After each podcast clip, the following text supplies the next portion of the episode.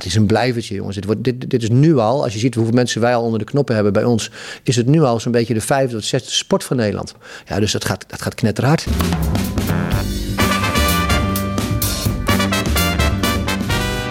Van harte welkom en uh, superleuk dat jullie er zijn en uh, dat de mensen luisteren naar de NL Tennis podcast. En mooi dat iedereen ook luistert naar dit uitstapje. Het is namelijk geen tennis, maar padel wat uh, nu de boventoon voert in deze aflevering. Een sport die blijft groeien en die ook een heus blijvertje lijkt te zijn. Een fenomeen om eens een keertje dieper in te duiken en dat doen we met een ex-tennisprof, dat dan weer wel. Jacco Elting, welkom. Goedemiddag, hoi.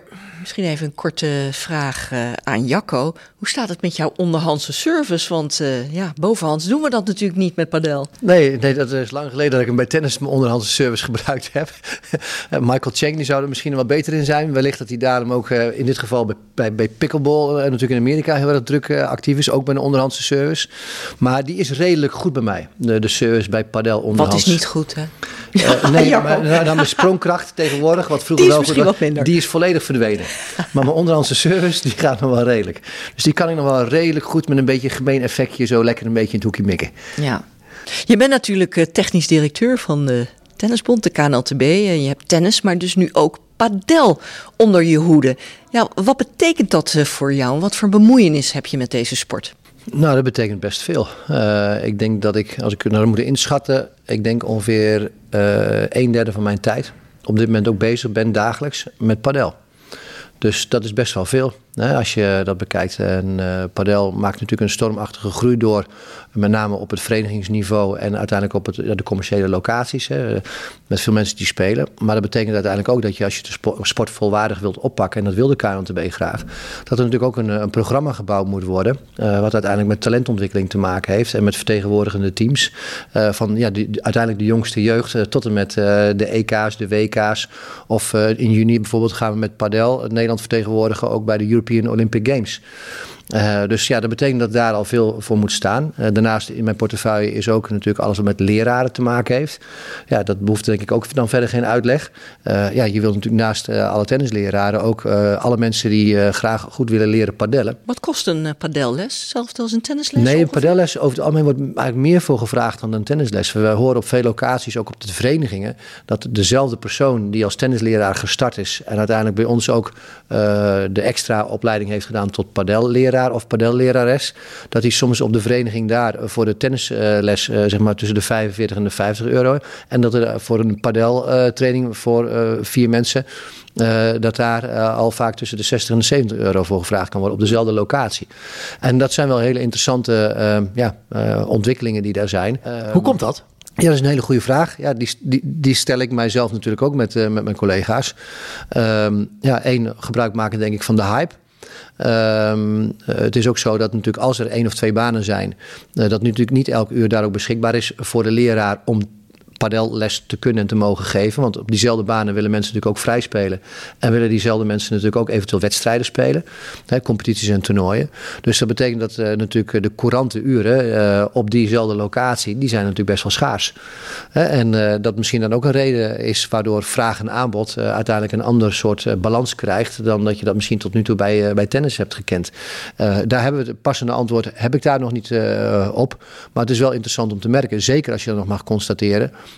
dat dat vaak ook nog leraren zijn die uh, heel lang en uh, heel goed, hoop ik, tennisles hebben gegeven. Maar zelf misschien zelfs nog zelden of nog nooit een toernooi hebben gespeeld in padel of een padelniveau hebben. Dit is alvast een lekkere basis, Jacco. We wilden allemaal mooie feiten gaan delen over de sport, maar we, zijn al, we zijn al lekker warm. Ja, we zijn goed van kiet. Hier, dat gaat lekker. Precies, de warming-up zit, alweer, zit er alweer op voordat we hem hebben aangekondigd. Dus toch even wat cijfers. dan kunnen we de omvang een klein beetje duiden. Ja, ik zei het al, het is een van de snelste groeiende sporten ter wereld. Op dit moment zo'n 200.000 padelspelers in Nederland. Dat is tenminste de laatste cijfer wat ik tegenkwam. Verwachting is eind dit jaar meer dan 2000 banen in, in het land. Er worden zelfs banen aangelegd bovenop bedrijfspanden om even aan te geven wat er allemaal uh, gebeurt. En uh, ja, we willen dit gesprek gaan voeren aan de hand van een, uh, een, serie stellingen. En uiteraard, Jacco, heb jij de vrijheid om die al dan niet te ontkrachten of te beamen. Ben je er klaar voor? Volledig. Marcella gaat aftrappen, denk ik. Ja, um, de tennissport uh, wordt wel zo langzamerhand uh, ingehaald door de populariteit van padel. En het is dan ook een bedreiging voor onze geliefde tennissport. Hè? Ik ben van de oudere generatie. Stelling 1. Is het een bedreiging voor de tennissport? Nee. En ja.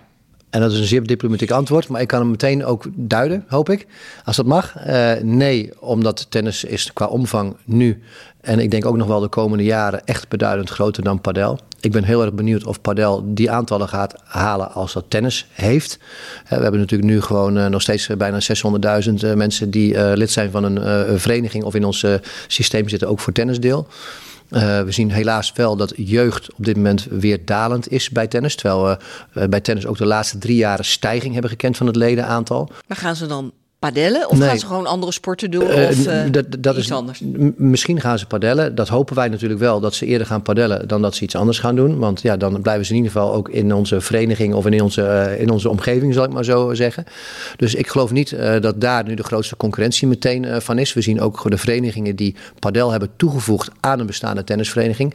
Dat die verenigingen ook met tennis meer gestegen zijn dan de tennisverenigingen zonder padel. Dus dat is een interessante constatering. Is dat een kruisbestuiving? Ik denk het. Ik denk dat er op die verenigingen uiteindelijk meer blijdschap, meer reuring is. Uh, daardoor hoop ik weer uh, iets nieuws. Uh, dat mensen die aan de ene kant gaan padellen, dat was bij het begin. En dat is natuurlijk nu aan het uitbreiden. Maar dat waren met name heren tussen de 20 en de 45, zal ik maar even zo zeggen. Nou, die hebben hoop ik een partner. Die hebben hoop misschien ook kindjes.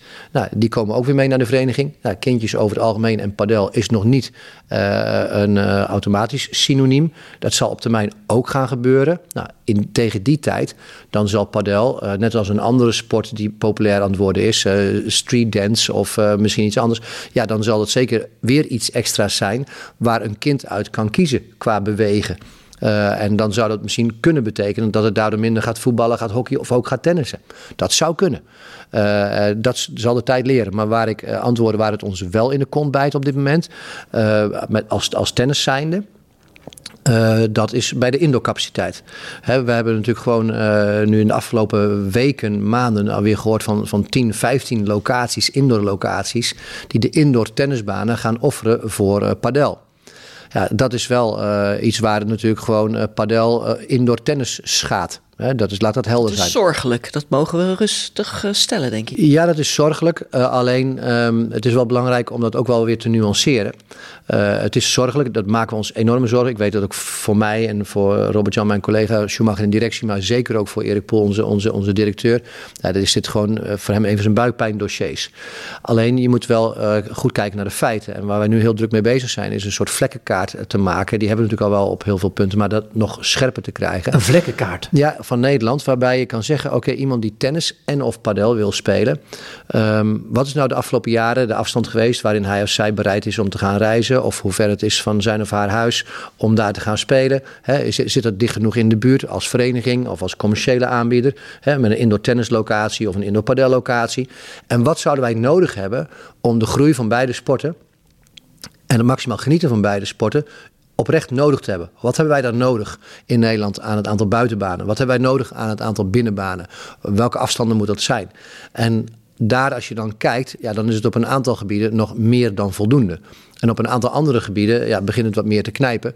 Omdat daar bijvoorbeeld ook geen ruimte meer is om uh, bijvoorbeeld tennis nog toe te voegen. Ja, en dan kunnen we als tennis natuurlijk huiverig naar kijken. We kunnen ook kijken, hey, kunnen we als tennis misschien iets leren van padel? Zijn er dingen waar je zegt, hey, dat zijn interessante dingen om eventueel over te nemen of om mee te nemen? Zeker. Uh, alleen, ik, ja, er zijn een paar voorbeelden die natuurlijk door padel enorm versneld zijn. Uh, ik noem even het meet-and-play concept. Hè, wat we, dat je dus via een, een app iemand kan vinden en een baantje kan reserveren. Dat is door de opkomst van padel is dat enorm versneld. Nou, dat is ook iets wat natuurlijk niet alleen naar commerciële padellocaties gebruikt kan worden, maar ook bij onze verenigingen. Wat al gebeurt ondertussen. En niet alleen voor padelbanen die ze daar hebben, maar ook natuurlijk voor een mogelijke uh, overcapaciteit van tennisbanen. Dezelfde applicatie kun je ook gebruiken voor tennishallen. Hè, die ook natuurlijk moeten zorgen dat degenen die er zijn, dat die een zo hoog mogelijke bezettingsgraad hebben. En zoveel mogelijk centjes nog kunnen verdienen op de vierkante kubieke meters die zij daarvoor ter beschikking hebben. Kijk, en nu is het op dit moment padel die natuurlijk bij die indoor locaties ons in onze achterste bijt. Maar vergeet niet hè, dat in de afgelopen jaren, ook bijvoorbeeld op ons uh, vroegere Nationaal Tenniscentrum, waar we eerst waren voordat we hier naar Amstelveen zijn verhuisd. In Almere zijn we gewoon de helft van onze banen daar ook kwijtgeraakt. Omdat daar een jumping jack kwam, zo'n springkussenpaleis. Een kinderparadijs. Ja, een kinderparadijs. om bijvoorbeeld uh, in een paar locaties zijn bowling toegevoegd. Op drie indoorbanen kan je 21 bowlingbanen kan je daartoe uh, voegen. Nou, met hetzelfde uurtarief. Ja, daar hoef je geen Chinees voor gestudeerd of wiskunde voor gestudeerd te hebben. Om te begrijpen dat het uiteindelijk voor een eigenaar ja, uh, natuurlijk een hele andere commerciële waarde gaat krijgen. Of voor vastgoed. We zoomen even uit. Uh, we, we, zitten nu op, op de hype van nu. Je noemde het zelf al. Als we even teruggaan naar 40 jaar geleden, was er ook een, een, een hype die heette squash. Destijds een beetje een sport voor juppen. Uh, overal schoten toen ook banen uit de grond. En de volgende stelling is: het is een kwestie van tijd voordat de hype van padel gaat liggen en padel het spoor van squash volgt. Nee, dat uh, denk ik absoluut niet. En uh, squash um, uh, is ook interessant. Kijk, squash, ik, ik, weet niet precies, maar voor mij hebben we 120.000 mensen die met regelmaat squash spelen. Alleen de Squashbond heeft er geloof ik tussen de 8 en de 11.000, ik weet even niet precies, in hun systeem staan. Dus dat is natuurlijk iets anders. Kijk, KNTB heeft ook, zeg maar nu even voor het gemak, uh, 600.000 plus mensen in hun systeem staan. Maar we weten dat er gewoon 1,1 miljoen mensen één keer in de maand... Of, Af en toe een balletje slaan. Eén keer in de maand of vaker tennissen. En, en nou, voeg daar hopelijk padel nog bij. En je ziet wat ons potentieel is. En uh, squash um, weet ik niet voldoende van of dat squash qua absoluut aantal mensen wat graag speelt, of dat nou gestegen of gedaald is de afgelopen periode. Dat, dat kan ik je niet geven. Maar ik zie wel bijvoorbeeld in Zweden, waar padel qua populariteit een paar jaar op ons voorloopt. Uh, waar ik nu echt ook wel hoor dat daar natuurlijk ook in de afgelopen jaren tennisbanen uh, indoor voor geofferd zijn. Maar minder dan hier. Omdat mensen die tennissen, uh, wat ook wijd verspreid is in het land. Ja, die hebben natuurlijk een nog langere winterperiode. Die hebben acht maanden winter en vier maanden zomer. Zeg maar van mei tot en met augustus zo'n beetje. ja, en, en daar zie je dat het toch minder ten koste is gegaan van tennislocaties. En dat daar meer gebouwd is in oude fabriekshallen of in andere locaties. Maar daar zijn nu alweer 80 tot 90 locaties gesloten in het afgelopen jaar in Zweden voor padel. Ja, faillissementen. Toevallig, je weet, ik heb een Zweedse man. Dus um, in Zweden zijn dus de kleinere padelcentra, kleinere padelbanen, uh, die ook uh, ja, als, uit de, als paddenstoelen uit de grond schoten, ja, die zijn nu allemaal failliet geraakt. Hè. De grote centra blijven over. Dus daar is de hype echt over de top heen. Het gaat naar beneden. Het is er nog steeds. Dus interessant om dat ja, dus, dus ik. Ik, ik, wil de squash niet uh, ja, veroordelen voor iets wat ik niet weet. Hè. Dat, dat, dat is squash hype. Maar, maar, maar eh, er zijn nog steeds veel mensen die hopelijk squash spelen. En ik denk dat het ook bij padel gaan, gaat absoluut nog de komende jaren knetteraar doorgroeien in Nederland. Daar hoef je echt niet over te twijfelen.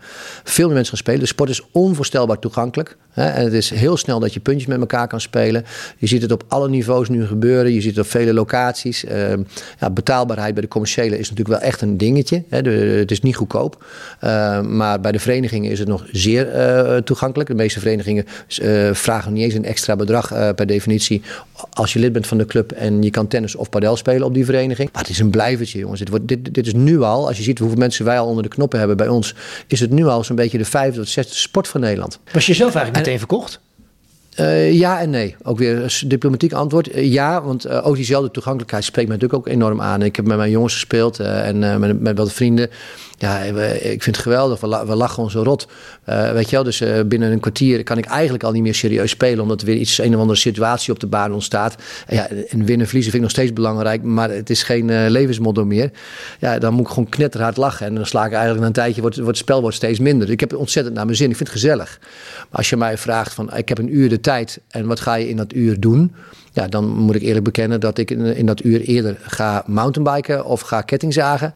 En dan komt tennissen. En omdat ik dan ook het geluk heb dat ik een baan in de tuin heb. En daarom komt tennis voor mij nog steeds dichterbij. En in een uur tennissen ben ik met mijn vaardigheden, die er nog een beetje zijn, kom ik meer aan mijn trekken dan in een uur padel. Ja, dat is trouwens wel interessant. Ja, waarom is er geen single met padel? Nou ja, ik denk, eh, er zijn oefenvormen en trainingsvormen dat je wel gewoon één tegen één ook uh, speelt. Uh, maar ja, het veld in je eentje af te dekken uh, op een padelbaan, dat is, en met de, met, met de regels die er zijn, is het nog een stuk lastiger dan met, met, met, met tennissen. Is dat meteen niet de manke van de sport om echt heel groot te worden? Als je ook kijkt aan uh, televisie-exposure. Hè? Want je kan ja, nou niet echt zeggen dat padel uh, televisie geniek is. Hè? In tegenstelling tot, uh, tot het tennis op televisie. Um, dus ja, dat is eigenlijk de volgende stelling. Dat is een mooie stelling. nou ja, zeker voor jou als tenniscommentator vind ik het helemaal leuk om voor jou te krijgen. Maar... Um, Kijk, ik vind single tennis eh, vind ik prachtig om naar te kijken. Uh, daar geniet ik enorm van. En omdat wij natuurlijk gewoon daarmee opgegroeid zijn, uh, kunnen wij ook hopelijk nog verschillen in herkennen. Waarom uh, iets gebeurt op een baan. En dan kan je nog een beetje duiding aan geven.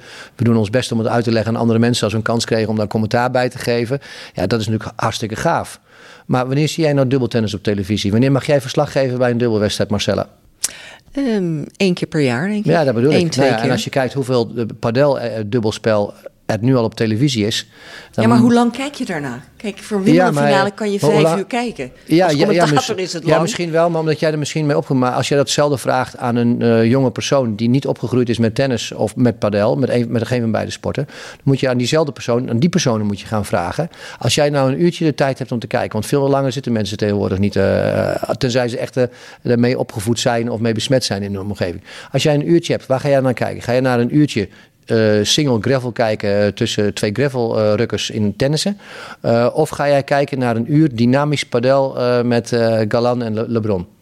Nou, ik ben benieuwd wat jij de antwoord op gaat krijgen. Als je nou, gewoon... tien minuten ga ik wel kijken. Maar dan heb ik toch het idee dat bijna... Ja, ik ben natuurlijk een tennisser. Hè, maar dat toch iedere rally hetzelfde is. Ja, maar dat is hetzelfde als dat, iemand die padel kijkt of die vanuit hockey komt naar een tennis kijkt. Die denkt ook, ja, ze staan een beetje vanuit het achterveld een beetje heen en weer te beuken. En ja, ik kan ze geen ongelijk geven, want tennis is armer geworden in de afgelopen jaren om naar te kijken. Maar je hebt Er is ook heel veel van je hebt iconen in de tennis. Ja, maar die heb, je, die heb je in padel ook. Alleen die heb je bij padel nog niet voor de hele wereld. Omdat de padelsport zo jong is, eh, heb je natuurlijk de Argentijnse of de Spaanse eh, goden en godinnen. Maar je doet het altijd met z'n tweeën. Dus, dus die, die iconische heldenstatus van een Federer, van een Nadal, van een Djokovic, van een Murray. Paul en ik Krijg hebben, Paul en ik hebben zes jaar, nooit met Paul, en ik hebben zes jaar samen dubbel gespeeld. In een sport die beperkt tot niet in de- onder de aandacht kwam. In het moment dat wij dat goed deden in Nederland. Toen hebben wij in die korte tijd denk ik best wel wat aanzien opgebouwd. Ik ben tot officier van Oranje Nassau eh, gekroond. Ja, maar jullie hadden een geweldige singercarrière. Zeker, maar, maar de prijs hebben wij gekregen, of de onderscheiding hebben we gekregen, denk ik met name. En, en als je nu aan mensen op straat vraagt, eh, onder de 40 kennen ze mij helemaal niet meer. Maar boven de 40, wat hebben ze onthouden? Dat we Paul en ik samen goed dubbel hebben gespeeld. De meeste, mensen, de meeste mensen weten niet eens dat ik een single carrière heb gehad of Paul. Die meeste, dat zijn ze vergeten nu. Hè, En dus het dubbelspel, daarmee te zeggen 2 tegen 2, kan absoluut impact pakken als het maar mensen raakt en als het maar onder de aandacht komt. Nou, ik weet ook zeker dat als eh, nu. Ja, een- in jouw jaren toen hebben we nog wel meer dubbel ja, eh, toen was, het meer, finales toen, uitgezonden. toen was het meer, toen was meer op televisie. Zeker. Ja, en, en je zag wat het deed, daarna ook met de populariteit. En, en dat, dat, dat, geldt, dat geldt voor padel precies hetzelfde gelden. Alleen wij hebben natuurlijk nu jonge commentatoren die met heel veel enthousiasme eh, dat brengen. Eh, we hebben spelers in Nederland die, eh, een, een Bram Meijer samen met Stan Richters. Ja, als je dat gemiddeld op straat zegt, niemand weet dat nog wat dat betekent. Dat is eh, heel fout, maar dat is nog geen Krajicek of Siemerink de naam die daar valt. Hè, eh, eh, Langere of- hebben we nodig. ja, dat is tijd. Ja, eh, maar de- dus, dus voor nu eh, kan ik begrijpen waar, waar, vanuit welke hoek jij komt. Maar je moet het wel in perspectief eh, zien eh, wat deze sport als toegang. Als er straks in Nederland eh 600.000, 700.000 spelers zijn. Ja, eh, dan ben ik benieuwd eh, hoeveel mensen het leuk vinden om naar het WPT-finale te kijken van het toernooi van John van Lottem in Amsterdam. Ja, en als je, als je kijkt wat hun bereik al was online, ja, daar haalt eh, bij Vlagen zijn de cijfers die Ziggo heeft met Padel online volgens mij al beter dan eh, wat er soms eh, is met de Ziggo Tennis op televisie. Achter, achter, achter, achter decoder. Dus het is gewoon maar net hoe vaak mensen eraan blo- blootgesteld worden. En uiteindelijk, wat bij tennissen niet automatisch een conversie is, dat iemand die graag zelf tennist ook automatisch iemand is die graag tennis kijkt. Nou, misschien zijn we als sport eh, met padel wel in staat om mensen die graag padel spelen ook frequenter om de spel beter te begrijpen, meer naar padel te gaan kijken. Ja, je je noemde al wat namen, eh, Bram en, en Sten. Ehm, hoe, hoe staat het met, met de visie op top padel als het gaat om de KNTB? Ja, dat is mooi dat we deze podcast maken. En eh, de, de, de hoofddocumenten die er op een paar plekken al wel getoond zijn, die komen nu als één geheel uit. Dus zeg maar een, een visiestuk, zoals bij tennissen eh, hebben we, heb ik een jaar of vijf geleden Five Steps to the Top gemaakt. Nou, we nu, zijn we nu aan het herijken of aan het, aan het, aan het bekijken weer met elkaar. Nou, dat hebben we nu voor Padel hebben we dat ook staan. Kies to succes. Bij Padel hebben we nu zes mannen in die in onze selectie zitten bij KNLTB. Twee dames die in onze selectie zitten in, in die groep D, in die allerhoogste groep. Eh, en dat eh, zijn ja, zes maandse afspraken die we met hun maken om te kijken, oké, waar kunnen wij als KNLTB en waar mogen wij als KNLTB bijdragen? En wat we bij Padel bij de toppers al hebben, in tegenstelling tot tennis bijvoorbeeld, is dat ik een, een bonussysteem heb gemaakt. waarin mensen afhankelijk van hun internationale FIP-ranking, dat is de ranking bij Padel. Ja, want hoe hoog staan ze? Um, varieert, um, maar uh, de, de, afhankelijk van hoe hoog ze staan. Uh, bij de mannen moet je uh, mag je ietsjes lager staan dan bij de dames. Bij de dames is het makkelijker om de wereldranglijst te betreden nog bij padel dan bij de heren. Dus daar zit wel een lichte uh, ook verschil in, in de eisen die bij de dames liggen ten opzichte van de heren. Um, ja, dan kunnen ze een, rankingbonus krijgen. Dus als je bij, uh, zeg maar even uitgehoofd, bij de top 200 staat bij de mannen, dan kun je 2500 euro van de KNTB tegemoet zien. Dus dan is het niet zo dat wij zeggen, oké, wij hebben daarmee al een nationaal padelcentrum of wij hebben de bondscoaches die alle trainingen voor jullie gaan geven. Maar voor deze mensen die hiervoor in aanmerking komen, doen we wel door middel van het bonussysteem. Uh, ja, testen we hun commitment. Want de meeste van hen spelen geen fulltime padel nog, omdat het nog niet financieel haalbaar is of dat ze nog een baan ernaast hebben. Um, maar dat willen we natuurlijk wel, dat mensen natuurlijk ook fulltime toernooien gaan spelen en ook internationale cyclus gaan spelen, voor de wereldranglijst gaan.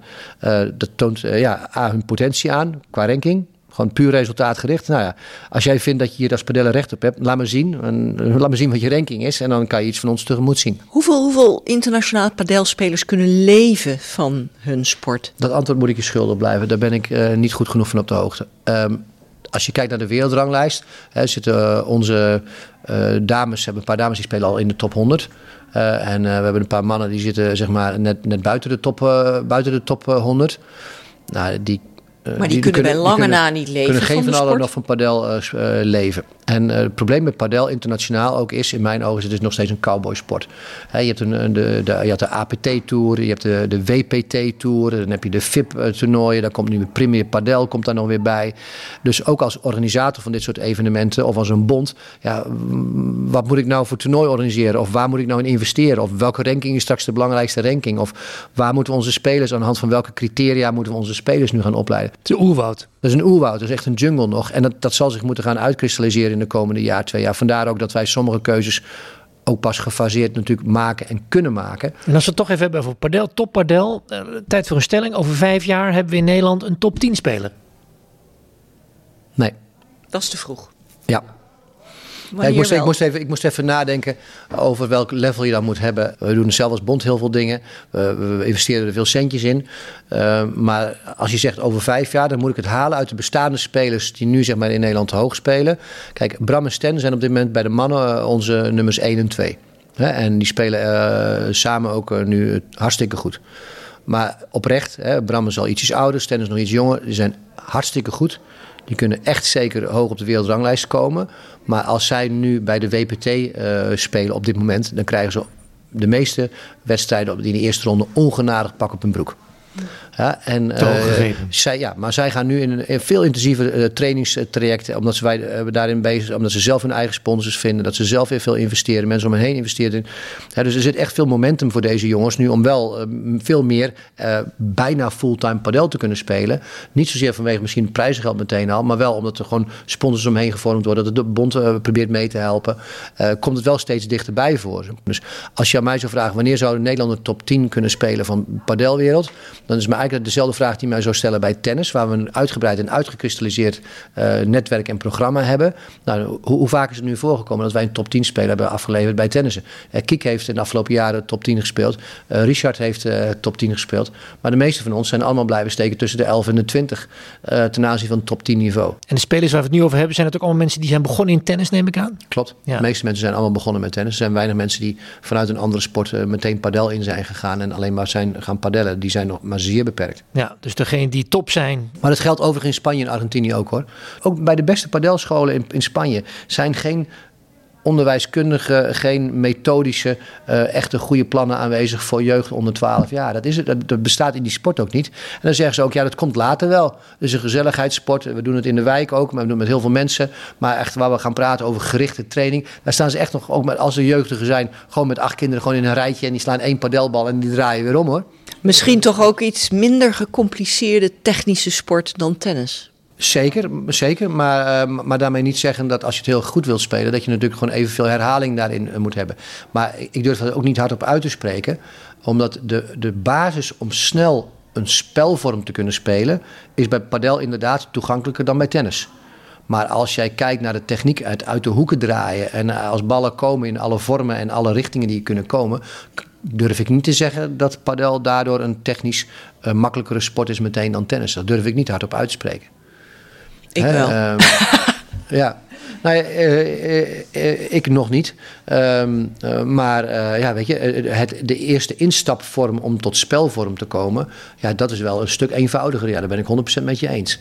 Maar om te kunnen spelen zoals je dat ziet op het allerhoogste niveau in de WPT, of dat het nou zoveel makkelijker zou zijn om dat niveau te kunnen gaan halen als dat jij ja, Federer of Nadal heet ja, dat, dat, dat durf ik niet te zeggen. Dat, dan is heel anders. Je hebt natuurlijk een, een, een verleden als ondernemer, uh, Jacco. Uh, een van de dingen die opvallen bij Padel is eh, de aantrekkingskracht voor marketeers. Uh, is het een droom voor marketeers? Dat is meteen ook een stelling. Dus de stelling is eigenlijk: Padel is een droom voor marketeers. Absoluut. Waarom? Uh, omdat er op dit moment ook tegelijkertijd veel makkelijker en heel veel meer bedrijven te koppelen zijn aan, uh, aan, aan padel, aan de breedte van sport van padel. Uh, er zijn bedrijven die zich er graag mee willen associëren. En zodra er bedrijven zijn die zich mee willen associëren, zijn er marketeers die daar natuurlijk de plannen voor willen maken en de plannen voor willen schrijven. Maar, maar waar, zit, waar zit dat hem in? Eén, dat mensen, dat het super toegankelijk is. Het is een hype. er worden nu sollicitatiegesprekken aan de hand van padel gedaan. in plaats van dat je vroeger de golfdag ging doen met je klanten, doe je nu de padeldag. Je hebt een, je hebt een uitje met je personeel, dan ga je niet meer met elkaar mountainbiken, maar je gaat met elkaar padellen.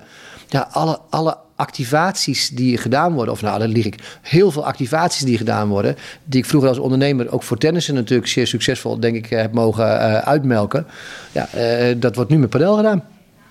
Ja, dus, dus als je. Ja, ik had vroeger had ik uh, bedrijven dat heette tennis events. Nou, ik zou dat nu padel, tennis- en padel-events uh, ook genoemd hebben. Ik zou meteen dezelfde variant van padel-events er zakelijk tegenaan uh, gezet hebben.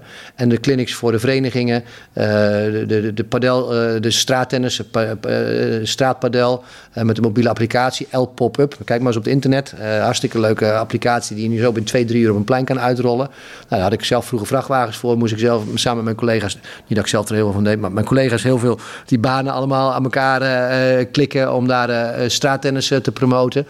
Uh, ja, uh, clinics, bedrijvenclinics. God, mensen, hoe heb ik er wel niet gedaan van die dingen in mijn, in mijn leven? En dan hebben we nog niet eens gehad over pickleball, uh, Jacco. Nee, want ja, daar hebben we ook de contacten gelegd met de mensen die daar de eerste enthousiasme voor hebben getoond in Nederland. Leg eens even uit voor de luisteraar wat het nou precies is, pickleball. Nou ja, het is een kleinere versie weer van ik heb, padel. Ik heb het één keer ooit gedaan en, en, en één keer gezien. Uh, ja, het, het, is, het is echt wel een ander spel dan padel. Er zit natuurlijk geen wanden, geen kooien bij. En uh, ja, het is een soort, een soort niemandsland waar je niet eigenlijk in mag komen. Uh, maar het is wel ja, een spel wat bijvoorbeeld in Amerika dezelfde vlucht en populariteit kent zoals padel in Europa op dit moment geniet. En, uh, ja, uh, maar het heeft een net. Uh, je, je, hebt twee spelers. Het is gewoon mini-tennis. Het is gewoon een mini-mini-tennisbaan. Mini, mini-tennisbaan. Eigenlijk even heel simpel gezegd, waar je in het servicevak bij wijze van spreken niet mag staan. maar waar je in het tweede deel wel zoveel mogelijk met elkaar mag lopen. En ja, dan moet je elkaar de vlieg afvangen. Met ja, lage ballen en dan denk je weer een harde bal. En volleys en halfvolleys. Ja, in de kern, als ik kijk met wat mijn spel vroeger met tennissen, met, met tennissen vroeger in zich had. En hoeveel mini-tennis ik dat leuk vond om te spelen. Dan denk ik, ja, dat zou wel een sport zijn die mij ligt. En als je kijkt naar die Grand Slam of zo van pickleball, die laatst op televisie was en op de online, mega publiciteit met uh, Agassi, ja. uh, Chang, Roddick en McEnroe. Mega publiciteit. Wat voor racket spelen ze daarmee? Wel een ander racket? Ja, het is een ander racket weer. Het is ook weer een ander racket ook weer natuurlijk dan padel. Ja, wat moet je zien? Het is, het is een soort, soort ding waar je op strand uh, dat balletje mee heen en weer sloeg. En uh, dat balletje heeft ook een ander geluid. Het is meer een soort, ja, een soort plastic-achtige bal. Uh, het, is echt, het is echt weer anders dan, dan padel. Tot slot, ik heb nog één dingetje ergens gelezen. Dat vind ik wel een leuke stelling om mee te eindigen. Padel is het nieuwe uitgaan. Ha. Ja, dat, dat, denk ik wel. Ik denk dat er wel een vibe omheen zit uh, waar dat zo is. Ik, als ik af en toe speel, dan speel ik in Zwolle. met, mijn, met mijn jongens wel eens een keer, met, met andere kennissen. En dat doen we dan meestal op zondagmorgen nadat ik rustig eerst heb een stuk heb gefietst en een lekker eitje heb gebakken voor het gezin. Dan ga ik daarna wel eens een balletje slaan met padel. En als je dan kijkt rond dat tijdstip op de banen die daar zijn, dat is niet een tijdstip waar je zegt dat is associeer je met uitgaan. Maar het is 100% uitgaan. En dan zie je allemaal koppeltjes van, van tussen de 23 en de 30 jaar. Uh, vriendje, vriendinnetje. Tegen een ander vriendje en vriendinnetje met elkaar daar padellen. Ben je verkocht, Marcella? Mm, nog niet helemaal. Ik doe het ook wel eens natuurlijk, padel. En ik vind het ook leuk hoor, absoluut. Uh, maar goed, uh, wij zijn natuurlijk van de oudere generatie. Kijk, tennis kan natuurlijk nooit meer uit ons hart verdreven worden. En dat moeten we ook, moeten we ook niet proberen. En uh, ik maak me wel zorgen om de indoor locaties. Als daar tennis wegvalt, voor is dat een zorgenkindje. Voor leraren, stel je voor dat je ja. de hele winter met, met dat je niet meer les kan geven. Dat je, ja, maar dan dat je bij twee graden alleen maar buiten staat met weer, of, met, met weer en wind. Dat is de duurzaamheid van de leraar. Dat hebben we gezien of weer ook. terug naar een, een ballonhal. Ja, ik ben zo ooit begonnen. Ja, de, we wisten wij... niet beter. En toen kwam er ineens een prachtige indoorhal. Nou, die worden nu ook weer verbouwd tot fitnesscentra en banenweg. Dus uh, we gaan weer een beetje terug in de tijd door de populariteit van het padel. En dat vind ik wel zonde voor de tennissport. We zijn een hoop wijzer geworden over een sport die we nog niet zo goed kennen. Ja, zeker. En uh, deze en andere afleveringen natuurlijk uh, te beluisteren via de bekende podcastkanalen. En tot de volgende keer.